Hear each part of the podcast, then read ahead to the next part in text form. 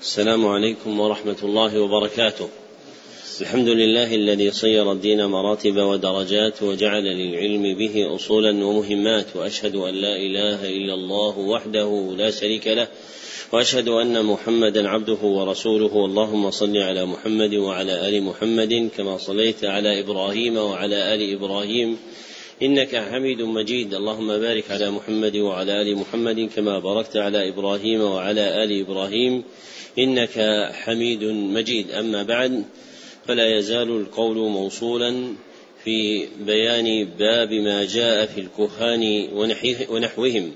قد ذكرنا أن المصنف رحمه الله تعالى ذكر لتحقيق مقصود الترجمة سبعة أدلة وفرغنا من بيان وجه دلالة دليلين منهما على مقصود الترجمة.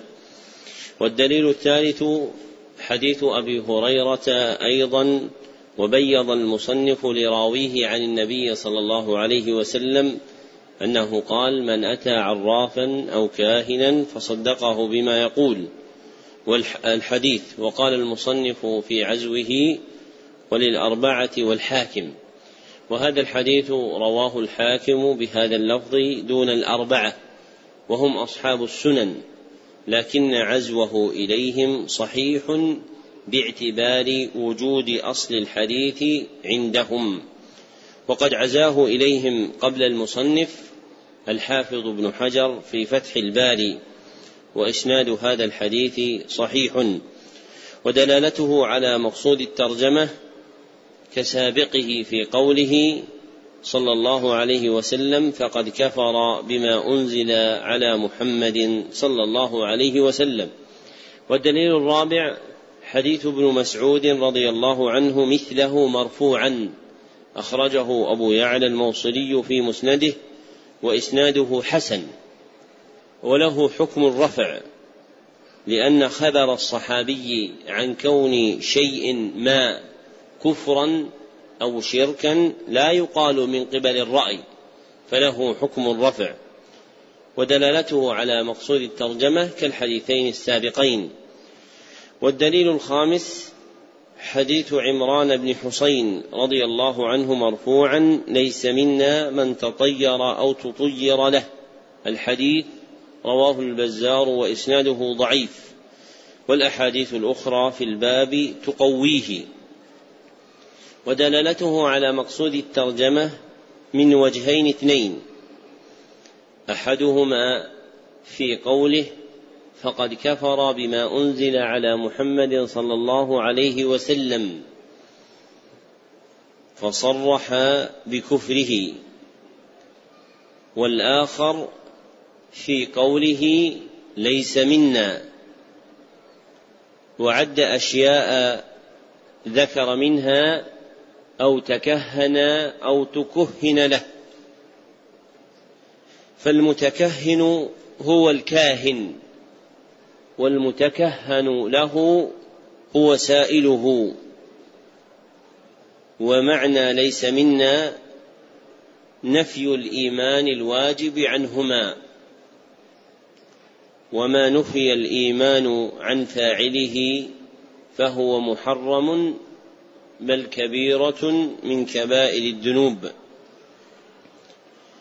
والدليل السادس حديث ابن عباس رضي الله عنه الذي رواه الطبراني في الأوسط نحو حديث عمران السابق دون قوله في آخره ومن أتى كاهنا إلى آخره وإسناده ضعيف لكن يتقوى بسابقه فيعضد أحدهما الآخر.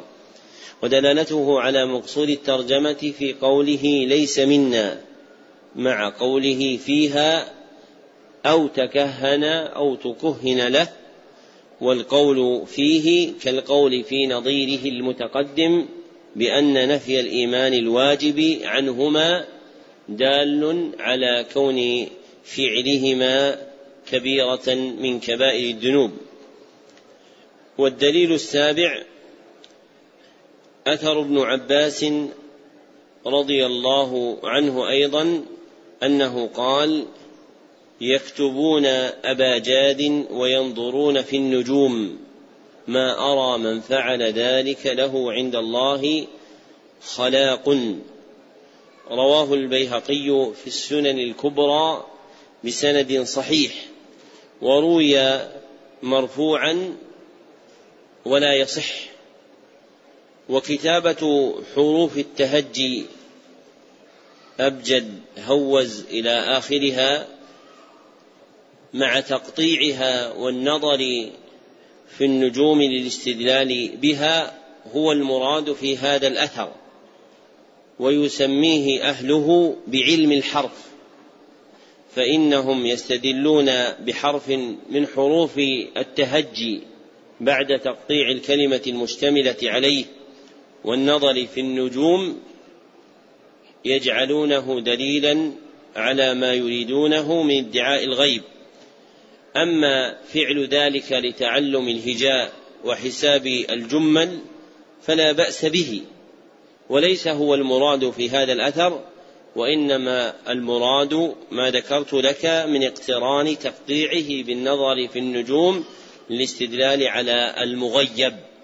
فكان من سحرة الجاهلية الرمالين من يعمد إلى ذلك في الرمل فيقسم حروف الكلمة ويجعل هجاء كل حرف مفردا عن غيره ثم ينظر في النجوم باعتبار معان اصطلحوا عليها زينتها لهم الشياطين. هذا هو المراد في الأثر المذكور ودلالته على مقصود الترجمة في قوله ما أرى من فعل ذلك له عند الله من خلاق فنفى عنهم الخلاق وذلك مستفاد من كونهم لا خلاق لهم في الآخرة ونفي الخلاق يراد به الحظ من الخير في الآخرة كما تقدم فحيث نفي الخلاق في القرآن أو السنة فاعلم أن المراد نفي حظ من ذكر متعلقا الخبر به نفي حظه من الخير في الآخرة. والذي لا حظ له في الآخرة من الخير هو الكافر. وهذا التركيب كما سبق موضوع في الشرع لمن كان كافرا.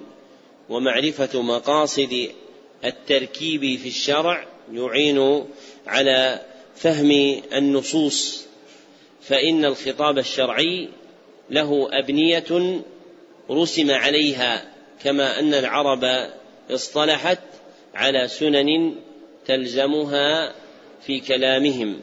وقد تقدم لهذا نظائر سالفة من إطلاقات الكتاب والسنة تحمل على معنى مضطرد فيها. وقد نقل المصنف رحمه الله تعالى كلام البغوي وابن تيمية في بيان حدود الأسماء المتعلقة بهذا الباب كالكاهن والمنجم والرمال والعراف. وفيما قالاه إجمال يعوزه تفصيل ليس هذا محل بيانه.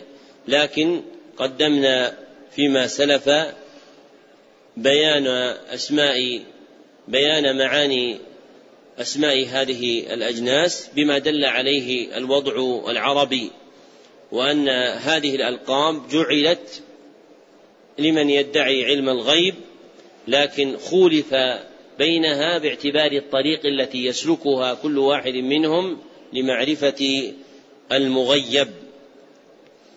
وينبغي أن يعلم أن ما ورد من الأخبار في ذم أحدهم فإنه واقع على غيره منهم. فإذا جاء في الأحاديث ذكر العراف لم يكن الذم مختصا به بل يشمل غيره ممن يشاركه في ذنبه الذي أصابه وهو ادعاء علم الغيب. فالعراف والرمال والكاهن والمنجم مشتركون في الحقيقة التي علق بها الحكم وهي ادعاء علم الغيب. نعم. صلى الله إليكم. فيه مسائل. الأولى أنه لا يجتمع تصديق الكاهن مع الإيمان بالقرآن. الثانية التصريح بأنه كفر. الثالثة ذكر من تكهن له. الرابعة ذكر من تطير له. الخامسة ذكر من سحر له. السادسة ذكر من تعلم أبا جاد. قوله رحمه الله السادسة ذكر من تعلم أبا جاد أي لادعاء علم الغيب بتقطيعها وربطها بحركة النجوم لا لإرادة التهجي وحساب الجمل المعروفان عند العرب. نعم. صلى الله عليكم. السابعة ذكر الفرق بين الكاهن والعراف. باب ما جاء في النشرة. مقصود الترجمة بيان حكم النشرة. والنشرة اصطلاحا حل السحر بسحر مثله. حل السحر بسحر مثله. وربما جعلت اسما لكل ما حل به السحر ولو بالرقى الشرعية لملاحظة المعنى اللغوي فإنها سميت نشرة لأنها تنشر عن المريض ما اعتراه فينكشف عنه الداء ويزول. فأل في النشرة الواردة في الترجمة للعهد والمراد بها النشرة التي تعرفها العرب في الجاهلية وهي حل السحر بسحر مثله. وما سوى ذلك فإنما سمي نشرة باعتبار الوضع اللغوي لا باعتبار الحقيقة الاصطلاحية. نعم. صلى الله عليكم. عن جابر أن رسول الله صلى الله عليه وسلم سئل عن النشرة فقال هي من عمل الشيطان. رواه أحمد بسند جيد وأبو داود. وقال سئل أحمد عنها فقال ابن مسعود يكره هذا كله. وفي البخاري عن قتادة قلت لابن المسيب رجل به طب أو يؤخذ عن امرأته أيحل عنه أو ينشر؟ قال لا بأس به إنما يريدون به الإصلاح. فأما ما ينفع فلم ينهى عنه انتهى. وروي, أن وروي عن الحسن أنه قال لا يحل السحر إلا ساحر. قال ابن القيم رحمه الله تعالى النشرة حل السحر عن المسحور وهي نوعان. أحدهما حل بسحر مثله وهو الذي من عمل الشيطان. وعليه يحمل قول الحسن فيتقرب الناشر والمنتشر إلى الشيطان بما يحب فيبطل عمله عن المسحور. والثاني النشرة بالرقية والتعوذات والدعوات والأدوية المباحة فهذا جائز. ذكر المصنف رحمه الله لتحقيق مقصود الترجمة أربعة أدلة. فالدليل الأول حديث جابر رضي الله عنه أن رسول الله صلى الله عليه وسلم سئل عن النشرة. الحديث رواه أبو داود بسند جيد. ودلالته على مقصود الترجمة في قوله هي من عمل الشيطان لأنهم يحلون السحر عن المسحور بتسخير الشياطين وسحرهم والسحر حلا وعقدا كله من عمل الشيطان كما قال تعالى واتبعوا ما تتلو الشياطين على ملك سليمان وما كفر سليمان ولكن الشياطين كفروا يعلمون الناس السحر وعمل الشياطين محرم منهي عنه وكل شيء أضيف إلى الشيطان فإنه محرم. فهذا التركيب موضوع في خطاب الشرع للدلالة على الحرمة وإن تخلف في بعض أفراده عند الفقهاء لوجود ما يزيل معنى الحرمة إلى الكراهة. والدليل الثاني أن ابن مسعود رضي الله عنه يكره هذا كله. كما ذكره الإمام أحمد رحمه الله. ومراده بذلك ما روي عن أصحابه. فقد روى ابن أبي شيبة بسند صحيح أن إبراهيم النخعي كان يقول كانوا يكرهون التمائم والرقى والنشر وتقدم أن الكراهة موضوعة في عرف المتقدمين للتحريم. وقول إبراهيم كانوا يكرهون يريد بذلك أصحاب ابن مسعود. والعلم الذي كان عند أصحاب ابن مسعود هو العلم الذي حملوه عنه فنسب هذا القول بالاعتبار المذكور إليه فيكون من العلم الشائع المستفيض عندهم فينسب إلى ابن مسعود باعتبار أن علومهم مستفادة منه رضي الله عنه. وهذه طريقة لجماعة من الأئمة منهم أحمد وغيره. وفي هذا الأثر بيان حكم النشرة بالتصريح بكراهتها المفيدة للحرمة على عرف المتقدمين أنهم يريدون بالكراهة التحريم كما ذكره ابن القيم في إعلام الموقعين وابن رجب في جامع العلوم والحكم.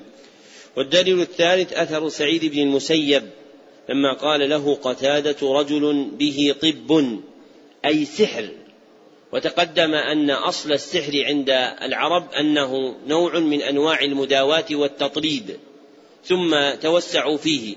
وهذا وجه قول قتادة رجل به طب يريد به سحر. أو يؤخذ عن امرأته أي يحبس عنها فلا يصل إلى جماعها أي يحل عنه أو ينشر أي أتفك عنه عقد سحره ويرقى لكشف علته فقال لا بأس به أي لا بأس بحل السحر إنما يريدون به الإصلاح أي بدفع الداء عنه. فأما ما ينفع من الرقى فلم ينه عنه. وإنما نهي عما لا نفع فيه من الرقى لأنه من جنس الرقى الشركية. أما الرقى الشرعية فإنها جائزة كما تقدم. هذا هو معنى كلام ابن المسيب وتتبع ألفاظ هذا الأثر يدل عليه. فمن ظنه في حل السحر بسحر مثله فقد أخطأ على ابن المسيب في فهمه. فإن المسي... ابن المسيب إنما أراد الرقى المشروعة ولم يرد السحر لأنه قال فأما ما ينفع والذي ينفع هو الرقى الشرعية أما السحر والرقى الشركية فإنها لا تنفع. ولا يجهل ابن المسيب رحمه الله تعالى ذلك. وهذا الأثر قد علقه البخاري مجزوما به ووصله الأثرم في كتاب السنن بسند صحيح. والنشرة المذكورة في أثر ابن المسيب سميت نشرة باعتبار اللغة لا باعتبار المعنى الاصطلاحي لأن المعنى الاصطلاحي مخصوص بحل السحر بسحر مثله. لكن قوله ها هنا أو ينشر عنه يعني يطلب كشف علته وما اعتراه من الداء. فسماها نشرة قوله أو ينشر عنه سماه نشرة باعتبار المعنى اللغوي. والدليل الرابع أثر الحسن البصري لا يحل السحر إلا ساحر. ولم يعزه المصنف وهو عند ابن أبي شيبة بسند حسن عن الحكم بن عطية قال سمعت الحسن وسئل عن النشر فقال سحر.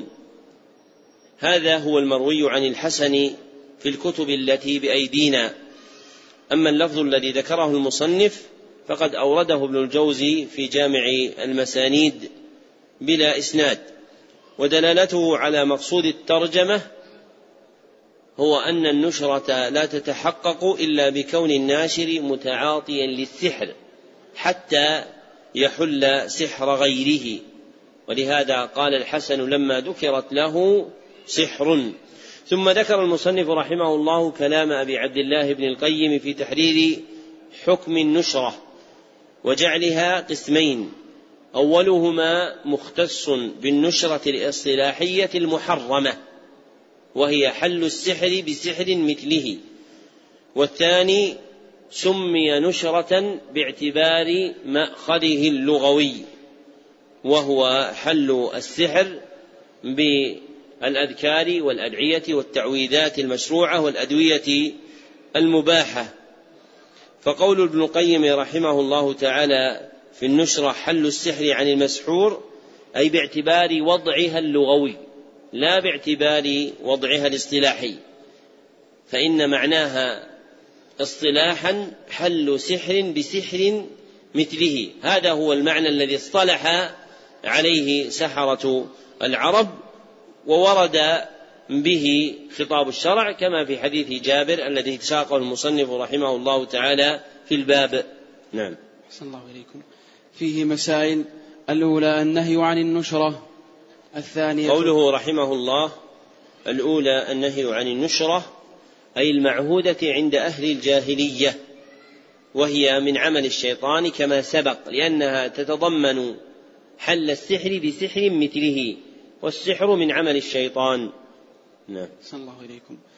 الثانية الفرق بين المنهي عنه والمرخص فيه مما يزيل الإشكال. قوله رحمه الله الثانية الفرق بين المنهي عنه والمرخص فيه مما يزيل الإشكال. فالمنهي عنه حل السحر بسحر مثله والمرخص فيه هو حله بالرقية والتعوذات والدعوات والأدوية المباحة وهذا إنما يسمى نشرة باعتبار الوضع اللغوي لا باعتبار الوضع الاصطلاحي. نعم. أحسن الله إليكم. باب ما جاء في التطير. مقصود الترجمة بيان حكم التطير وهو تفعل من الطيرة والمراد بها ما يقصده ما يقصده العبد ما يقصده العبد للحمل على الإقدام أو الإحجام ما يقصده العبد للحمل على الإحجام أو الإقدام في أمر ما والمراد بالإقدام الإقبال على الشيء والتمادي فيه والإحجام ضده بالكف عنه. وأكثره عند أهل الجاهلية بالطير ومن ثم نسب إليها فقيل الطيرة.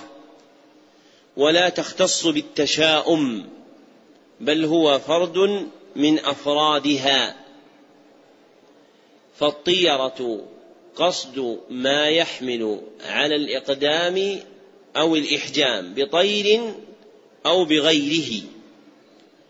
وهي شرك أصغر لأنها تتضمن ركون القلب إلى المقصود فيها وضعف التوكل على الله مع الأخذ بما ليس سببا شرعيا ولا قدريا ومن قواعد الأسباب التي تقدمت أن كل سبب لم يثبت كونه نافعا بطريق الشرع أو القدر فإن الذي فإن اتخاذه من الشرك الأصغر والطيرة من هذا الجنس.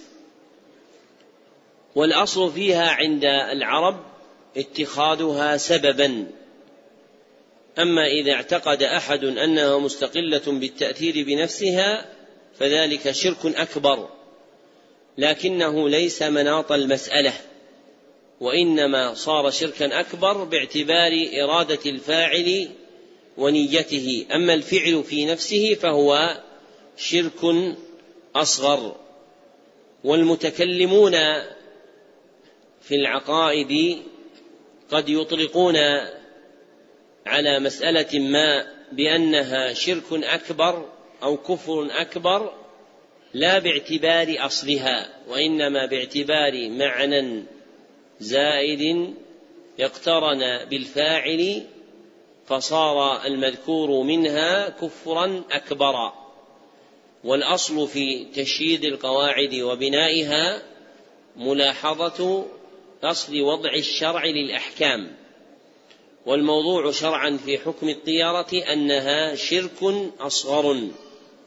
فلا يقال فيها إن الطيرة تكون شركا أكبر إذا أريد كذا وكذا لأن هذا معنى زائد يقترن بإرادة فاعل ما. والأحكام إنما توضع باعتبار تعلقها بالمسائل نفسها لا باعتبار تعلقها بالفاعلين. فإن لكل فاعل حكما ينفرد به وقد لا يوجد في تقريرات أهل العلم وإنما استجدت واقعة تتعلق بذلك الفاعل فاستجد حكم باعتبار ما اقترن به لا باعتبار حكم المسألة نفسها. نعم. صلى الله عليكم.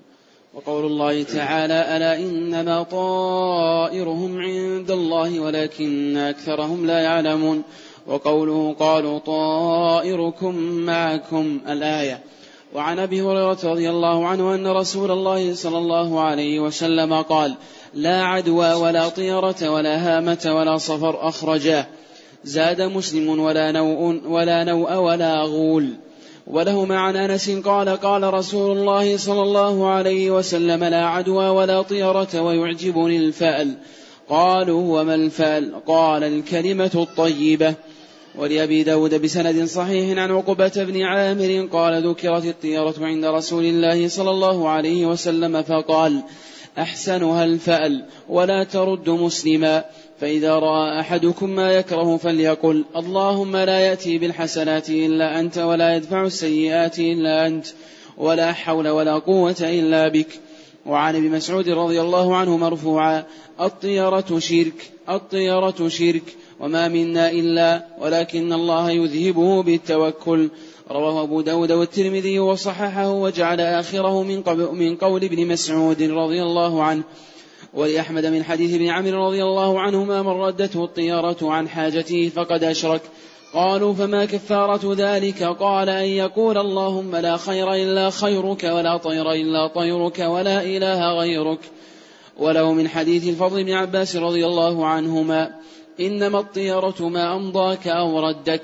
ذكر المصنف رحمه الله لتحقيق مقصود الترجمة ثمانية أدلة فالدليل الأول في قوله تعالى ألا إنما طائرهم عند الله الآية.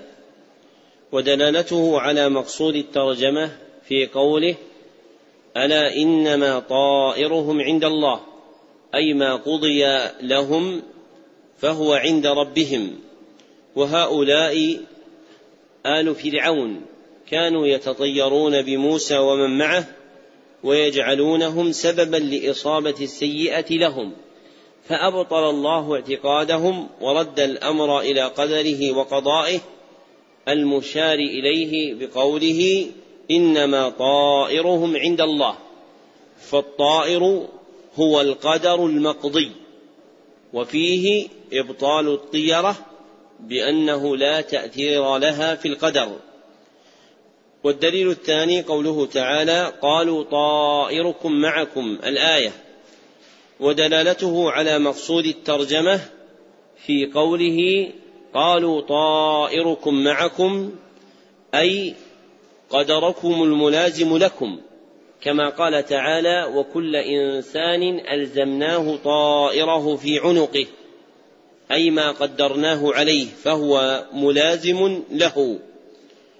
وهذا المذكور هو قول المرسلين في سورة ياسين لما قال لهم أهل القرية إنا تطيرنا بكم فردوا عليهم بقولهم قالوا طائركم معكم ففيه إبطال الطيرة والإيمان بالقدر وأن الطيرة لا تأثير لها في القدر فالآيتان المذكورتان مما قدم به المصنف من الأدلة تتضمنان إثبات القدر الدال على إبطال الطيرة إذ لا تأثير لها في قدر الله سبحانه وتعالى.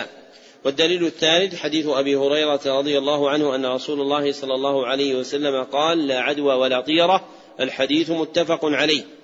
ودلالته على مقصود الترجمة في قوله ولا طيرة فنفى الطيرة التي كانت أهل الجاهلية تعتقدها والنفي دال على بطلانها وعدم تأثيرها وهذا أبلغ من النهي فهو نهي وزيادة عليه بالتأكيد في نفي الوجود. والدليل الرابع حديث أنس رضي الله عنه قال قال رسول الله صلى الله عليه وسلم لا عدوى ولا طيرة الحديث. ودلالته على مقصود الترجمة في قوله ولا طيرة على ما سبق بيانه من معنى النفي. والدليل الخامس حديث عروة بن عامر لا عقبة بن عامر الذي رواه أبو داود وعروة تابعي على الصحيح فيكون هذا الحديث مرسلا. ودلالته على مقصود الترجمة في قوله ولا ترد مسلما فمن كمل دينه لم يعتقد بها ولا أثرت فيه ومن أثرت فيه نقص دينه. وكل فعل اختياري يرجع على العبد بنقصان دينه فهو محرم. ولهذا أخبر النبي صلى الله عليه وسلم أن المسلم لا ترده الطيرة. فعلم أن الركون إليها راجع على إسلامه بالنقص فتكون محرمة. وقوله صلى الله عليه وسلم في هذا الحديث أحسنها الفأل ليس معناه أن الفأل من الطيرة وإلا تناقضت الأحاديث. لأن النبي صلى الله عليه وسلم في الأحاديث المتقدمة عليه نفاها فقال ولا طيرة. ثم قال ويعجبني الفأل كما في حديث أنس السابق والطيرة كلها لا خير فيها ومحال أن يكون شيئا منها معجبا للنبي صلى الله عليه وسلم. فقوله في هذا الحديث أحسنها الفأل لا يراد بها حقيقة التفضيل. المقتضية للمشاركة من كل وجه بل بين الفأل والطيرة قدر مشترك صح منه باعتبار اللسان العربي الإتيان بصيغة التفضيل في قوله أحسنها الفأل. والقدر المشترك بينهما هو وجود التأثير فالطيرة فيها وجود تأثير وكذلك الفأل فيه وجود تأثير لكن الطيرة تحمل على الإحجام أو الإقدام فتؤثر في صاحبها. أما الفأل فإنه لا يؤثر في الإقدام أو الإحجام وإنما يكون فيه تيمن بما وقع من كلمة أو فعل أو غير ذلك والغالب أن الفأل يكون بالكلمة. ولذلك قال النبي صلى الله عليه وسلم ويعجبني الفأل قالوا وما الفأل؟ قال الكلمة الطيبة. فالكلمة الطيبة هي أكثر أنواع الفأل. وقد يتيمن الإنسان بصورة شخص أو هيئة شيء لكن الفأل لا يكون محركا على الفعل بخلاف الطيرة. فالطيرة تحرك عليه بالإحجام أو الإقدام. أما الفال فإنه لا يحرك وإنما يقوي العبد. ولذلك فإن الفأل مختص بما يسر. وفي حديث الصلح المشهور أنه لما قدم سهيل بن عمرو قال النبي صلى الله عليه وسلم سهل أمركم فهذا فأل حمل على ما يسر. لم يحمل على طلب فعل أو تركه وإنما تيمن باسم القادم في طلب الصلح وهو سهيل بن عمرو إبان يوم الحديبية. فقال النبي صلى الله عليه وسلم سهل أمركم.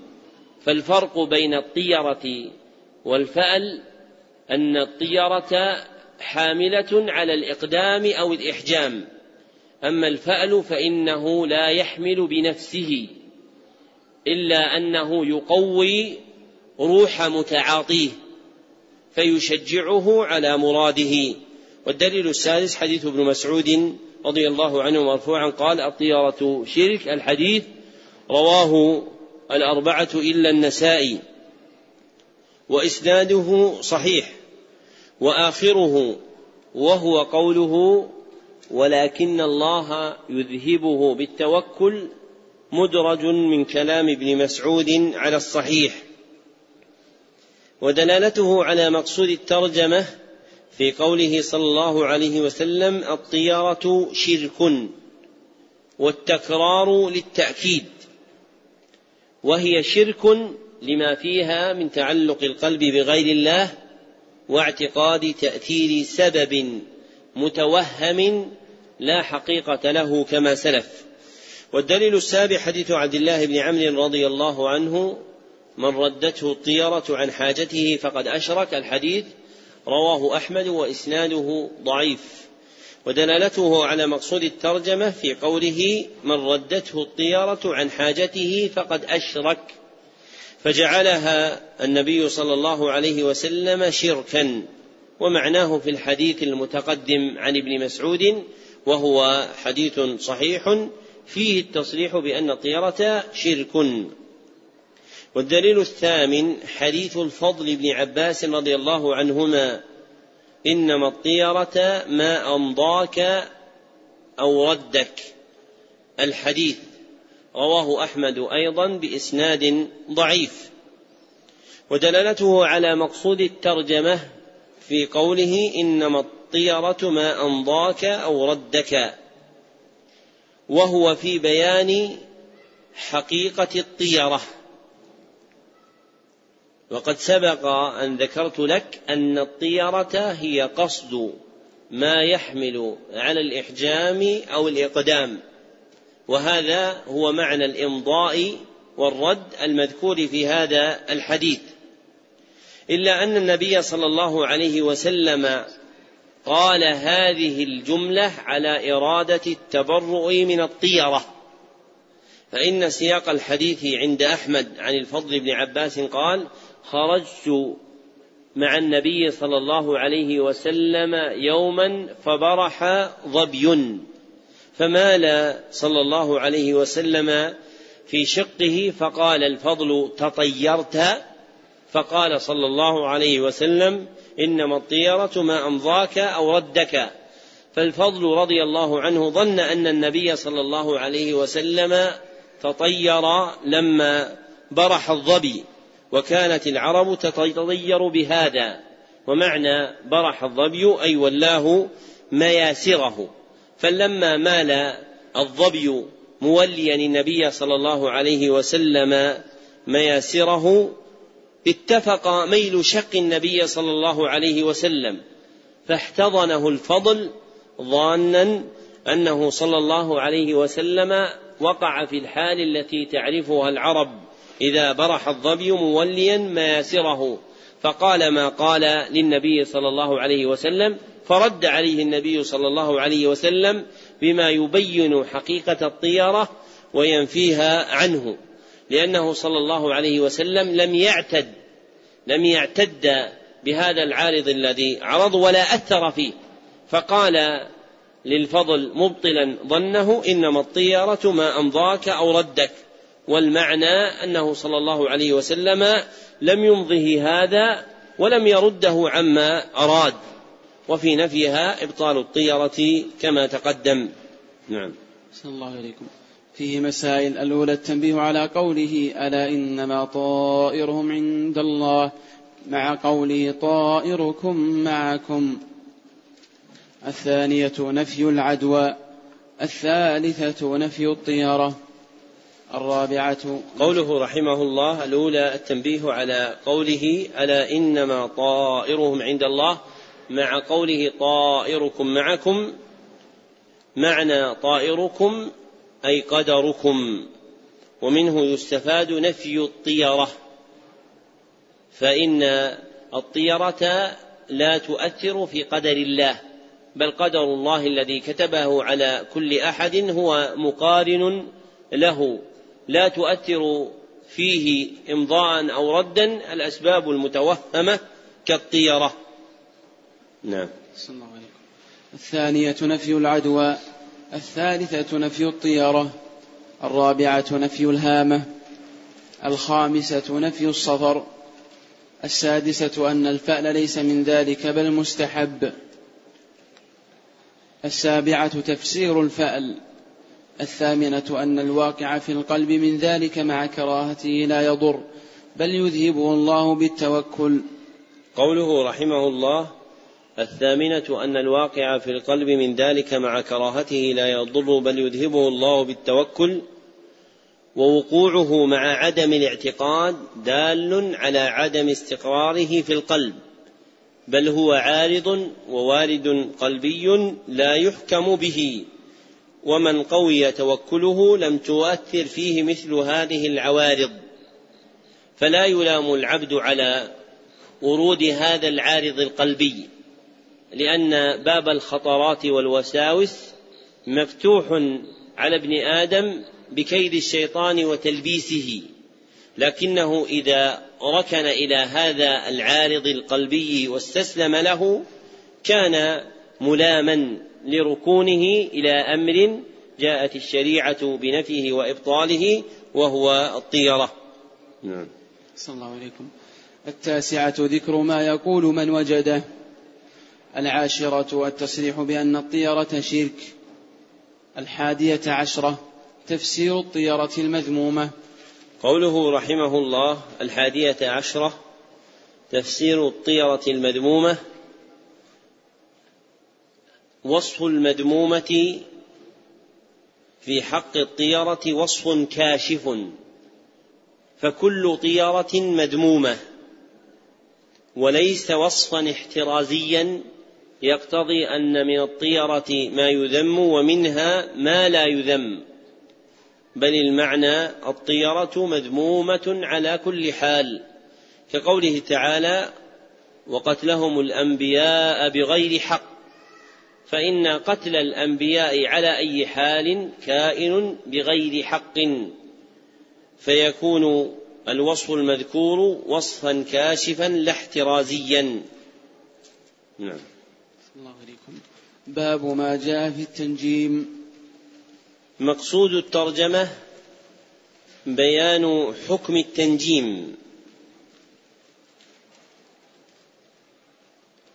وهو النظر في النجوم للاستدلال بها على التأثير أو التسيير. هو النظر في النجوم للاستدلال بها على التأثير أو التسيير. فالتنجيم نوعان. أحدهما تنجيم تأثير وهو اعتقاد تأثير النجوم في الحوادث الكونية. والآخر تنجيم تسيير.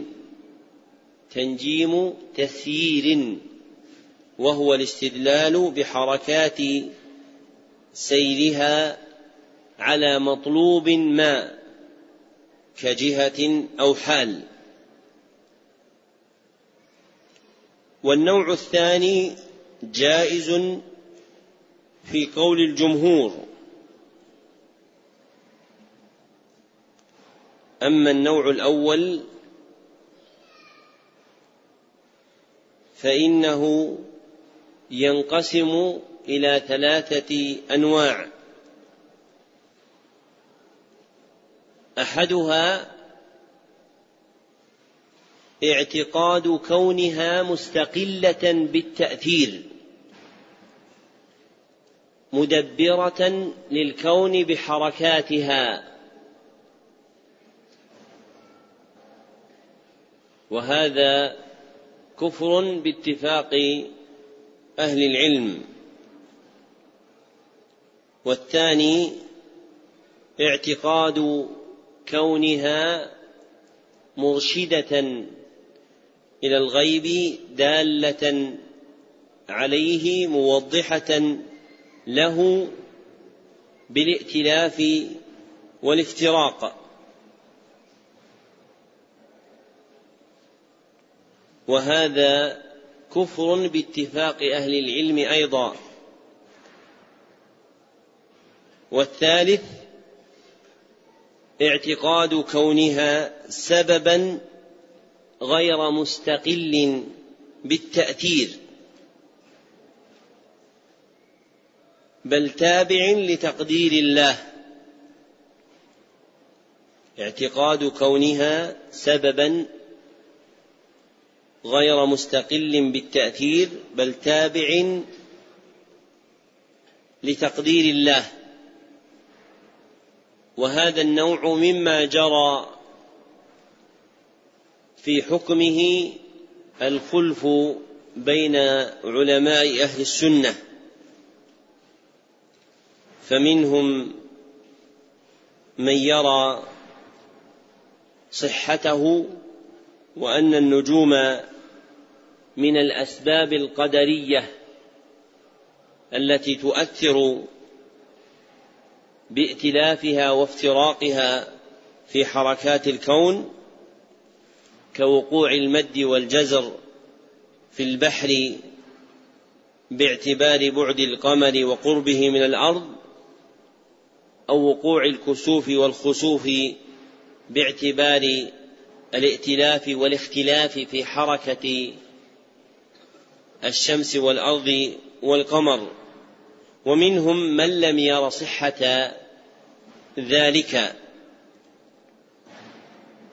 والأشبه والله أعلم إثبات صحة ذلك كما اختاره شيخ الإسلام ابن تيمية رحمه الله.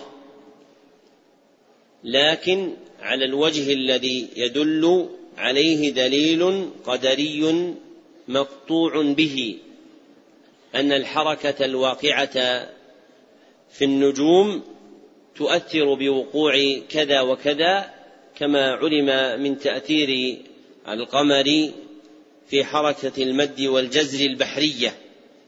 أما ما كان من جهة التخرص أو التوهم أو الظنون فلا يعول عليه.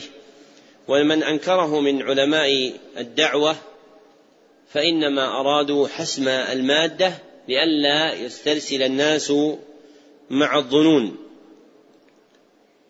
والنجوم عندهم تطلق على الأفلاك ولا يحصرونها بما سوى الشمس والقمر.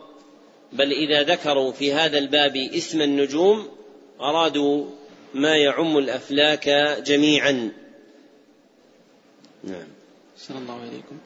قال البخاري في صحيحه قال قتادة خلق الله هذه النجوم لثلاث زينة للسماء ورجوما للشياطين وعلامات يهتدى بها فمن تأول, فمن تأول فيها غير ذلك أخطأ وأضاع نصيبه وتكلف ما لا علم له به انتهى. وكره قتادة تعلم منازل القمر ولم يرخص ابن عيينة فيه. ذكره حرب عنهما ورخص في تعلم المنازل أحمد وإسحاق. وعن أبي موسى قال قال رسول الله صلى الله عليه وسلم ثلاثة لا يدخلون الجنة مدمن الخمر وقاطع الرحم ومصدق بالسحر. رواه أحمد وابن حبان في صحيحه. ذكر المصنف رحمه الله تعالى لتحقيق مقصود الترجمة أربعة أدلة. فالدليل الأول أثر قتادة رحمه الله قال خلق الله هذه النجوم لثلاث. الأثر علقه البخاري في صحيحه ووصله عبد بن حميد في تفسيره بسند صحيح. ودلالته على مقصود الترجمة في حصره مقاصد خلق الله النجوم في ثلاثة أشياء.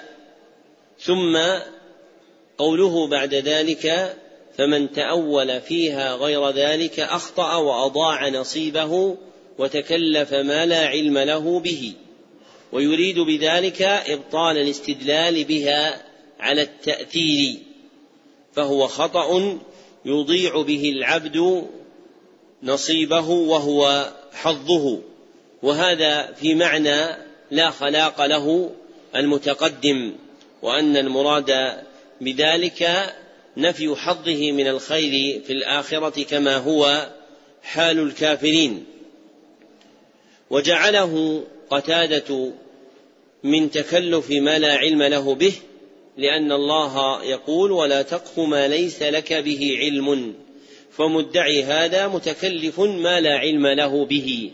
والدليل الثاني أثر قتادة أيضا أنه كره تعلم منازل القمر رواه حرب الكرماني في مسائله ودلالته على مقصود الترجمة في كراهته تعلم منازل القمر فإن الكراهة في عرف السلف للتحريم ومنازل القمر هي مواضع نزوله المقدرة في سيره هي مواضع نزوله المقدرة في سيره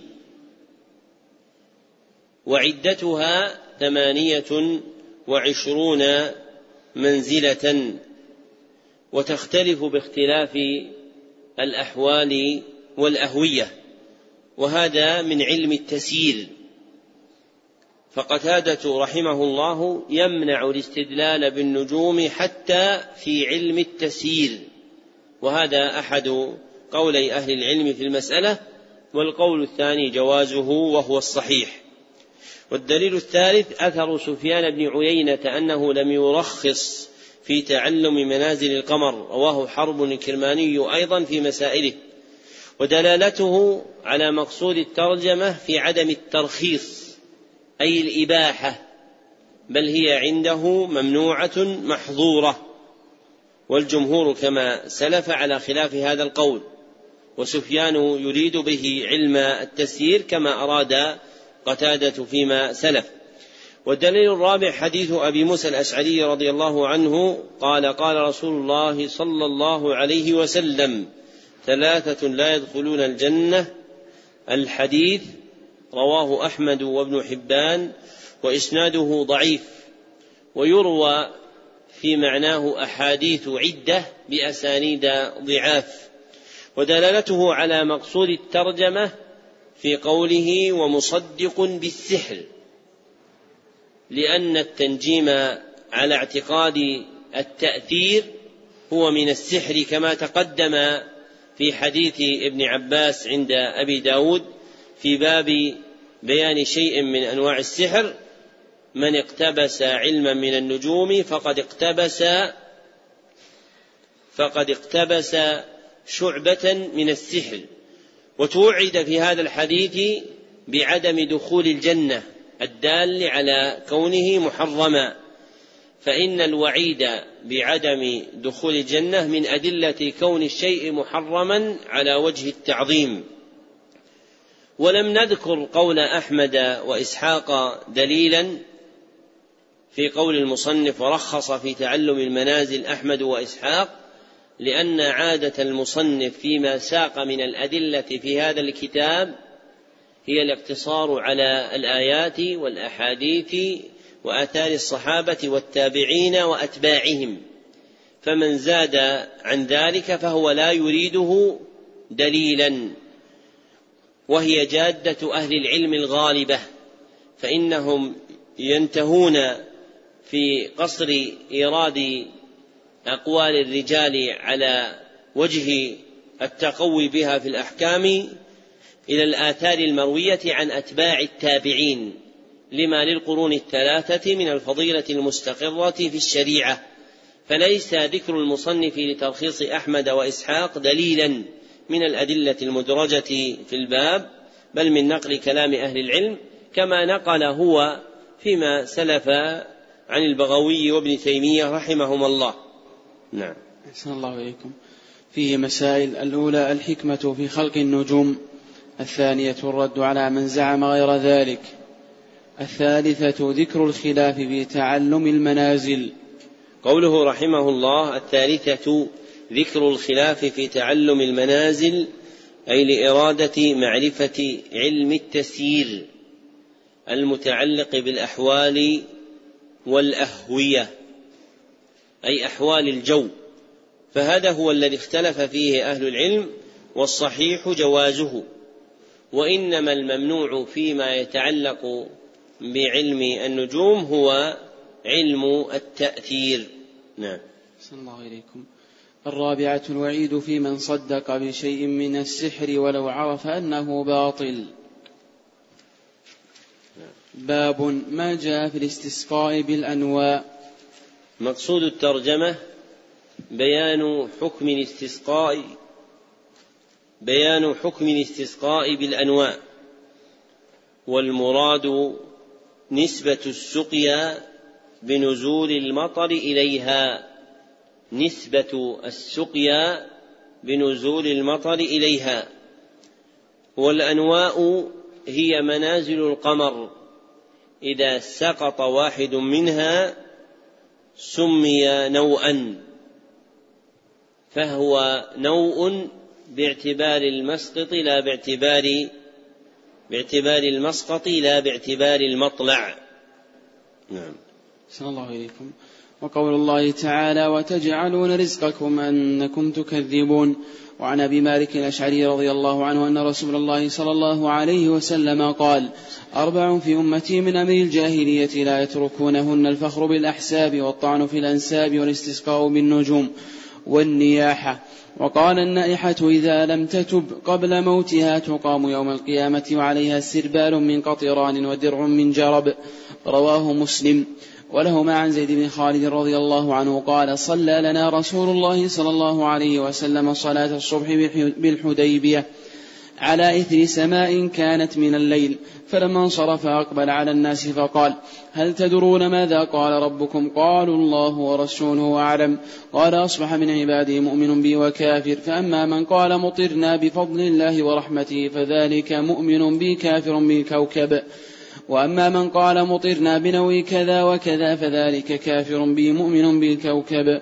ولهما من حديث ابن عباس رضي الله عنهما معناه وفيه قال بعضهم لقد صدق نوء كذا وكذا. فأنزل الله هذه الآيات فلا أقسم بمواقع النجوم إلى قوله تكذبون. ذكر المصنف رحمه الله لتحقيق مقصود الترجمة أربعة أدلة. فالدليل الأول قوله تعالى وتجعلون رزقكم أنكم تكذبون الآية ودلالته على مقصود الترجمة في قوله أنكم تكذبون فالرزق المذكور فيها هو المطر كما دل عليه سبب نزولها وتكذيبهم هو في استسقائهم بالانواع لما قالوا مطرنا بنوء كذا وكذا. ونسبة المطر إليها من الاعتداد بما ليس سببا شرعيا ولا قدريا وهو شرك أصغر كما سبق في بيان قاعدته مع ما فيه هنا من نسبة النعمة إلى غير مسديها وهو الله سبحانه وتعالى. والدليل الثاني حديث أبي مالك الأشعري رضي الله عنه أن رسول الله صلى الله عليه وسلم قال أربع في أمتي من أمر الجاهلية الحديث رواه مسلم.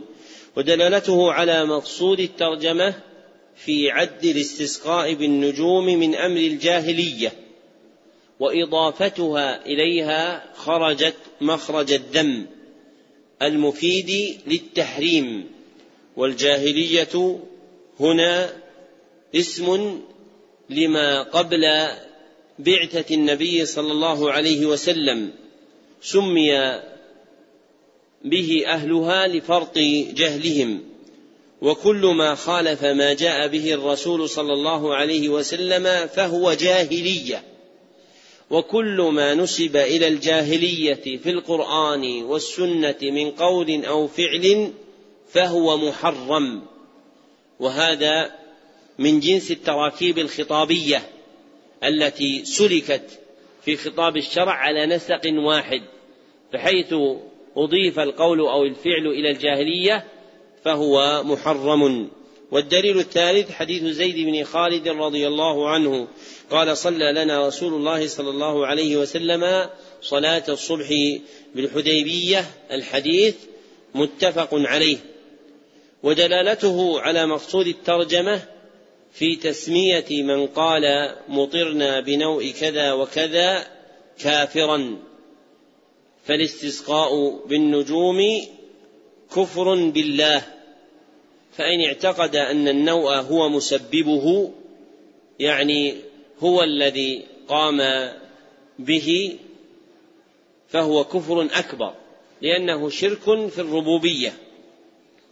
وإن لم يعتقد كونه مسببا بل جعله سببا من الأسباب واعتقد أن المنزل للمطر هو الله فهو من الشرك الأصغر. طيب في هذا الحديث هل هو من الكفر الأصغر أم الأكبر؟ في قوله عز وجل في الحديث القدسي أصبح من عبادي مؤمن بي وكافر ما الجواب؟ ما الدليل؟ إيش؟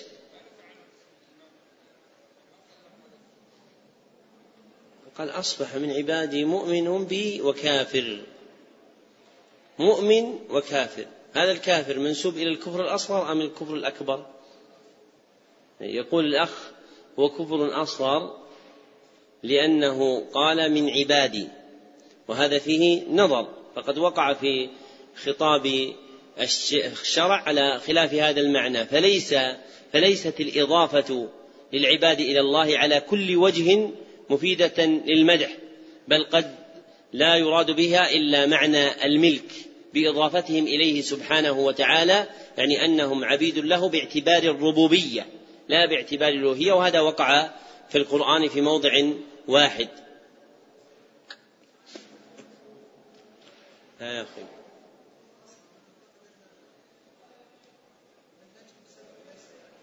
منين جبت هذا؟ أن أعتقد أن سبب. أن الذي نحن نعتقد أنك ما كنت حاضر معهم. فأخرج لنا من الحديث ما يدل على هذا المعنى. يا أخي كيف؟ يعني بعضهم يكون مسلم بعضهم يكون كافر؟ ها؟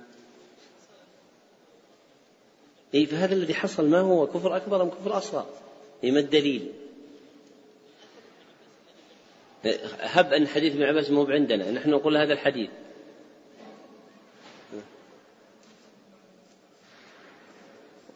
لا يلزم صلوا مع النبي صلى الله عليه وسلم لا يلزم. ها يا أخي. ما الدليل؟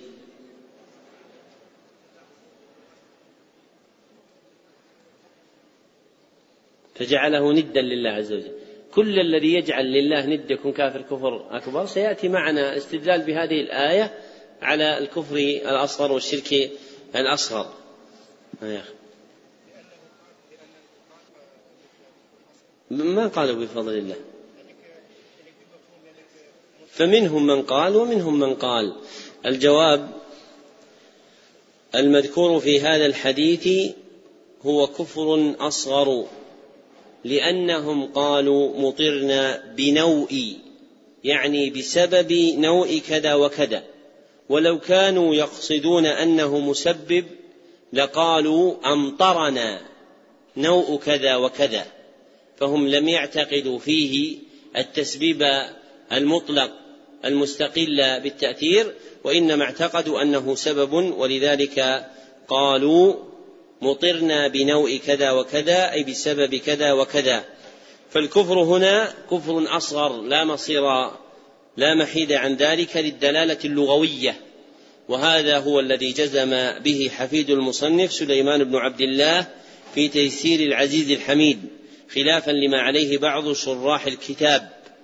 لأنه لو كان مرادهم أنه مستقل بالتسبيب لما قالوا مطرنا بنوء كذا وكذا وإنما قالوا أمطرنا نوء كذا وكذا فعبارتهم دالة على أنهم أرادوا كونه سببا جار تحت قدر الله سبحانه وتعالى.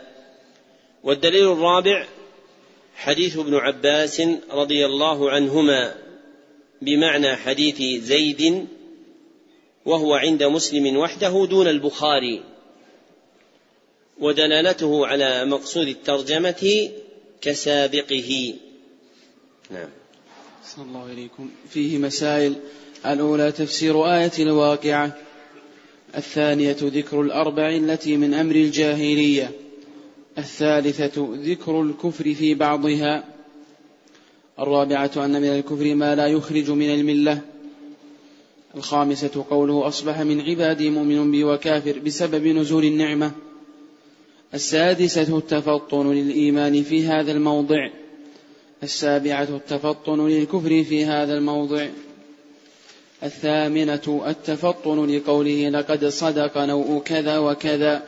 قوله رحمه الله الثامنة التفطن لقوله لقد صدق نوء كذا وكذا. لأنهم لا يريدون أن النوء أنزل المطر بل نزل بسببه. وهذا معنى ما في اللفظ الآخر مطرنا بنوء كذا وكذا فالباء للسببية. ولو أرادوا معنى الخلق والإيجاد لقالوا أمطرنا نوء كذا وكذا. وبه تعلم كما سلف أن كفرهم وشركهم من الأصغر لا من الأكبر. وإضافة الأحوال والأهوية إلى الأنواع تقع على ثلاثة أنحاء. الأول إضافة تسبيب وهذا كفر أكبر. فإذا أضيف أمر ما معتقدا مضيفه إلى الأنواء أن الأنواء مسببة له مستقلة بالتأثير فيه فذلك شرك في الربوبية وهو كفر أكبر. والثاني إضافة سبب وهذا كفر أصغر. كالوارد في هذا الحديث فإنهم اعتقدوا أن سبب إمطارهم هو نوع كذا وكذا والثالث إضافة ظرف أي نسبة ما وقع من الأحوال الجوية والأهوية إلى نوع ما على إرادة أنه ظرف زماني له. كقول العامة إذا طلع سهيل فقد برد الليل. فهم يرون أن مطلع سهيل مؤذن ببرود الليل وقدوم المطر من بعده ومثل هذا جائز. نعم. صلى الله عليكم. التاسعة إخراج العالم للمتعلم مسألة بالاستفهام عنها لقوله أتدرون ماذا قال ربكم؟ العاشرة وعيد النائحة. باب قول الله تعالى ومن الناس من يتخذ من دون الله أندادا يحبونهم كحب الله. الآية. مقصود الترجمة بيان أن محبة الله من عبادته بل هي أصلها فبكمالها يكمل توحيد العبد وبنقصها ينقص. والمراد بالمحبة هنا المحبة المقتضية لتأليه القلوب لله وتعظيمها له. نعم. الله عليكم. وقوله قل إن كان آباؤكم وأبناؤكم إلى قوله أحب إليكم من الله ورسوله. الآية. عن أنس رضي الله عنه أن رسول الله صلى الله عليه وسلم قال لا يؤمن أحدكم حتى أكون أحب إليه من ولده ووالده والناس أجمعين. اخرجاه وله معنى قال قال رسول الله صلى الله عليه وسلم ثلاث من كن فيه وجد بهن حلاوة الإيمان. أن يكون الله ورسوله أحب إليه مما سواهما. وأن يحب المرء لا يحبه إلا لله وأن يكره أن يعود في الكفر بعد إذ أنقذه الله منه كما يكره أن يقذف في النار. وفي رواية لا يجد أحد حلاوة الإيمان حتى إلى آخره. وعن ابن عباس رضي الله عنهما قال من أحب في الله وأبغض في الله ووالى في الله وعاد في الله فإنما تنال ولاية الله بذلك ولن يجد عبد طعم الإيمان وإن كثرت صلاته وصومه حتى يكون كذلك. وقد صارت عامة مؤاخاة الناس على أمر الدنيا وذلك لا يجدي على أهله شيئا. رواه ابن جرير. وقال ابن عباس رضي الله عنهما في قوله وتقطعت بهم الأسباب قال المودة ذكر المصنف رحمه الله تعالى لتحقيق مقصود الترجمة ستة أدلة. فالدليل الأول قوله تعالى ومن الناس من يتخذ من دون الله أندادا ودلالته على مقصود الترجمة من وجهين أحدهما في قوله ومن الناس من يتخذ من دون الله أندادا يحبونهم كحب الله فذكر أن من حال المشركين اتخاذهم آلهة يحبونها كحب الله فيسوون بالله في المحبة والتعظيم.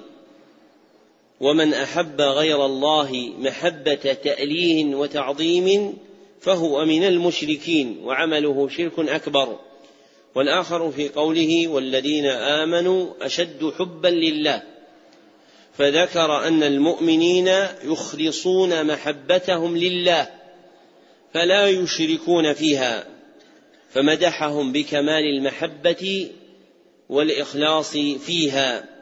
والدليل الثاني قوله تعالى قل إن كان آباؤكم وأبناؤكم الآية ودلالته على مقصود الترجمة ما فيها من الوعيد في جعل الآباء والأبناء والإخوان والأزواج والعشيرة والأموال والتجارة والمساكن أحب إلى النفوس من الله ورسوله صلى الله عليه وسلم وجهاد في سبيله. فتوعدهم الله بقوله فيها فتربصوا حتى يأتي الله بأمره أي انتظروا ما يحل بكم من العقاب. فالتربص موضوع للدلالة على الوعيد بالعقاب. فمن أحب هذه الأعراض المذكورة من الآباء والأبناء والإخوان والأزواج إلى آخرها محبة يتأله فيها القلب لها ويعظمها كمحبة الله فليس له إلا العقاب الشديد لأنه أشرك في محبته لربه. وحب الرسول صلى الله عليه وسلم وما أمر الله به من الأعمال مندرج في محبة الله ولذلك ذكر في الآية معه لأنه مما يتأله به القلب لله ويتعبد لله بذلك. فحب النبي صلى الله عليه وسلم وحب الجهاد في سبيل الله مندرج في حب الله عز وجل فالحب فيه حب تأله وتعظيم باعتبار أن الله عز وجل أمر بذلك. والدليل الثالث حديث أنس رضي الله عنه أن رسول الله صلى الله عليه وسلم قال ثلاث من كن فيه الحديث متفق عليه. ودلالته على مقصود الترجمة في تعليق وجدان الإيمان حلاوة الإيمان بأن يكون الله ورسوله أحب إليه مما سواهما. ومحبة الرسول صلى الله عليه وسلم كما تقدم تابعة لمحبة الله ففيه التنبيه على ما يكمل به الإيمان من محبة الله عز وجل. والدليل الخامس حديث ابن عباس رضي الله عنه قال من أحب في الله وأبغض في الله إلى آخره. رواه ابن جرير في تفسيره وإسناده ضعيف. ودلالته على مقصود الترجمة من وجهين اثنين. أحدهما في قوله من أحب في الله وأبغض في الله ووالى في الله وعاد في الله فإنما تنال ولاية الله بذلك. فعد اعمالا تتحقق بها ولاية الله. المتضمنة لمحبته عبده ومرد جميع هذه الأعمال إلى محبة الله لأنه هو الذي أمر بها. وثانيهما في قوله ولن يجد عبد طعم الإيمان وإن كثرت صلاته وصومه حتى يكون كذلك فعلق وجدان طعم الإيمان عليها. فهي مما يكمل به الإيمان لتقويتها محبة الله عز وجل في القلب. والدليل السادس آثر ابن عباس رضي الله عنهما في تفسيره قول الله تعالى وتقطعت بهم الأسباب قال المودة رواه ابن جرير في تفسيره بسند صحيح ومعناه تقطعت بهم المحبة التي كانت بين المتبوعين وأتباعهم ممن كان يزعم في الحياة الدنيا أن محبتهم تنفعهم واتخذوهم أولياء من دون الله فلم ينتفعوا بتلك المحبة بل تبرأوا منهم وتقطعت بهم الأسباب التي توصلهم إلى النجاة. ففيه إبطال محبة غير الله لأنها لا تنفع في الآخرة. بل لصاحبها عذاب عظيم. الحديث أنس؟ اقرأ اقرأ. الحديث الدليل الثالث ولا كم؟ والدليل الثالث وهو حديث أنس رضي الله عنه لا يؤمن أحدكم حتى أكون أحب إليه من ولده ووالده والناس أجمعين. أخرجاه في الصحيحين دلالته على مقصود الترجمة لأن فيه ذكر ما يندرج في محبة الله فالمذكورات من محبوبات الله التي أمر بها وهي محبة النبي صلى الله عليه وسلم على هذا القدر المذكور في هذا الحديث. نعم. صلى الله إليكم. فيه مسائل. الأولى تفسير آية البقرة الثانية تفسير آية براءة. الثالثة وجوب محبته صلى الله عليه وسلم على النفس والأهل والمال. الرابعة قوله رحمه الله الثالثة وجوب محبته صلى الله عليه وسلم على النفس والأهل والمال أي تقديم محبته صلى الله عليه وسلم على النفس والأهل والمال. نعم. صلى الله عليكم الرابعة أن نفي الإيمان لا يدل على الخروج من الإسلام. قوله رحمه الله الرابعة أن نفي الإيمان لا يدل على الخروج من الإسلام لكنه يدل على وجوب المذكور في المنفي. فقوله صلى الله عليه وسلم مثلا لا يؤمن أحدكم يدل على وجوب المذكور فيه من الأعمال كما نص على ذلك أبو العباس بن تيمية في كتاب الإيمان وابو الفرج ابن رجب في فتح الباري. ولا يدل على خروج من نفي عنه على كل حال ولكنه يدل على أن ما تضمنه النفي أمر واجب كما سبق ذكره. وهذا من التراكيب الخطابية مضطردة المعنى في القرآن في مضطردة المعنى في السنة فحيث جاء في حديث لا يؤمن أحدكم فاعلم أن ما بعده واجب. نعم. الله عليكم. الخامسة أن للإيمان حلاوة قد يجدها الإنسان وقد حلاوة. صلى الله عليكم. أن للإيمان حلاوة قد يجدها الإنسان وقد لا يجدها. السادسة أعمال القلب الأربع التي لا تنال ولاية الله إلا بها ولا يجد أحد طعم الإيمان إلا بها. السابعة فهم الصحابي للواقع أن عامة المؤاخاة على أمر الدنيا. الثامنة تفسير وتقطعت بهم الأسباب. التاسعة أن من المشركين من يحب الله حبا شديدا. العاشرة الوعيد على من كانت الثمانية عنده أحب من دينه. الحادية عشرة أن من اتخذ ندا أن من اتخذ ندا تساوي محبته محبة الله فهو الشرك الأكبر. قوله رحمه الله التاسعة أن من المشركين من يحب الله حبا شديدا لقوله تعالى يحبونهم كحب الله فهم يحبون أندادهم مثل محبة الله وفيهم من يظهر لتلك الأنداد محبة شديدة ويسوي محبتهم بمحبة الله فتكون محبته لله شديدة كما أن محب محبته لأولئك الأنداد شديدة. نعم. صلى الله إليكم.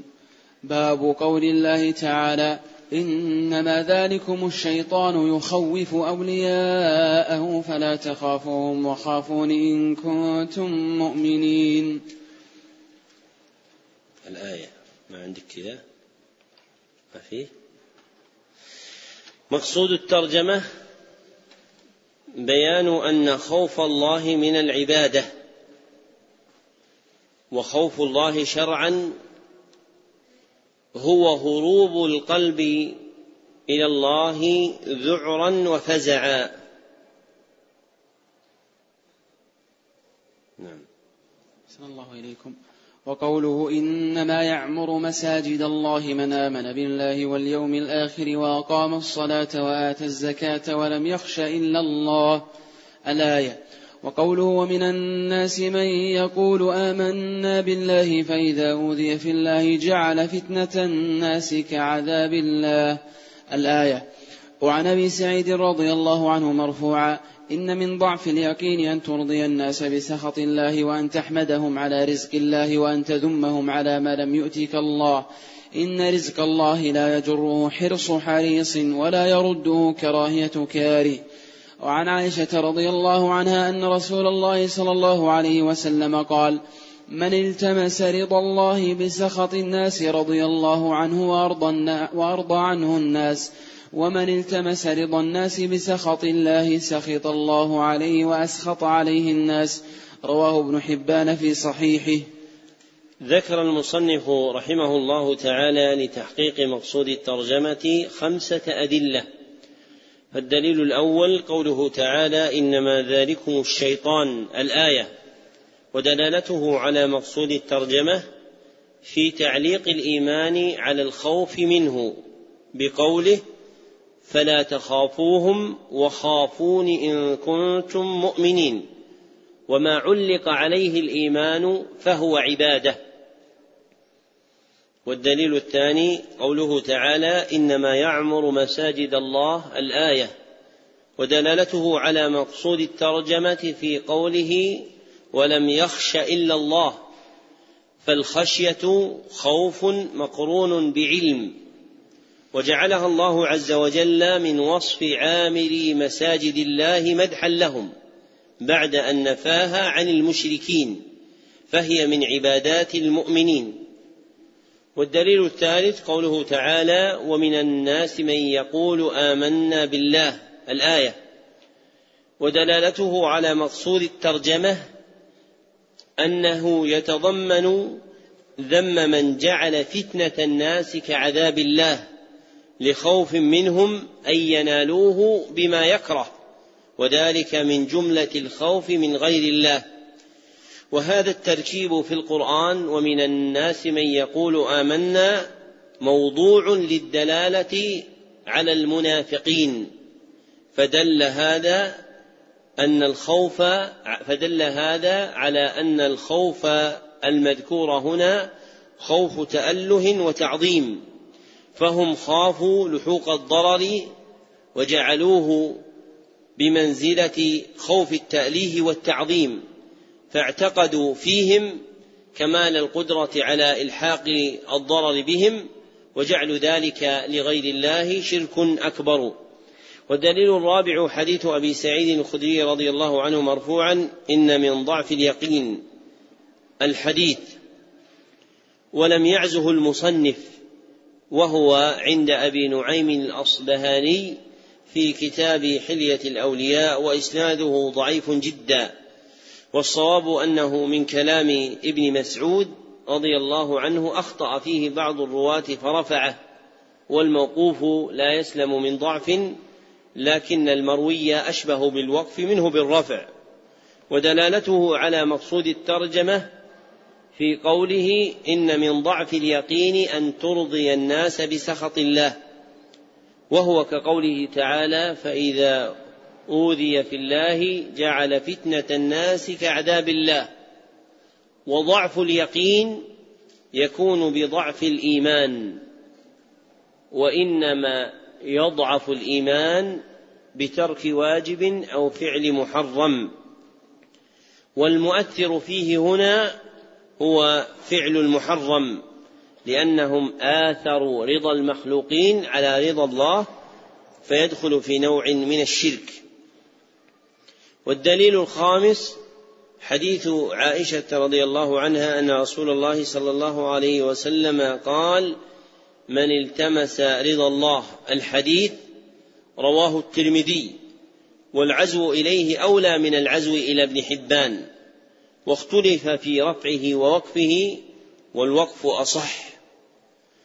ودلالته على مقصود الترجمة في قوله من التمس رضا الناس بسخط الله سخط الله عليه وأسخط عليه الناس وهو في معنى الحديث السابق لتضمنه ذكر عقوبة من آثر رضا المخلوق على رضا الخالق.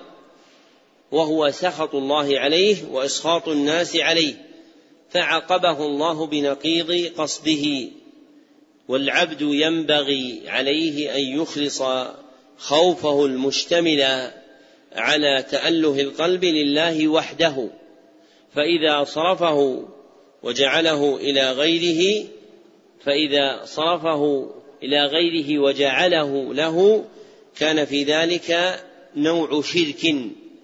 ومنه ملتمس رضا الناس بسخط الله عز وجل فإنه واقع في نوع تشريك باعتبار هذا المعنى لميل قلبه إلى ملاحظة هذا الشأن.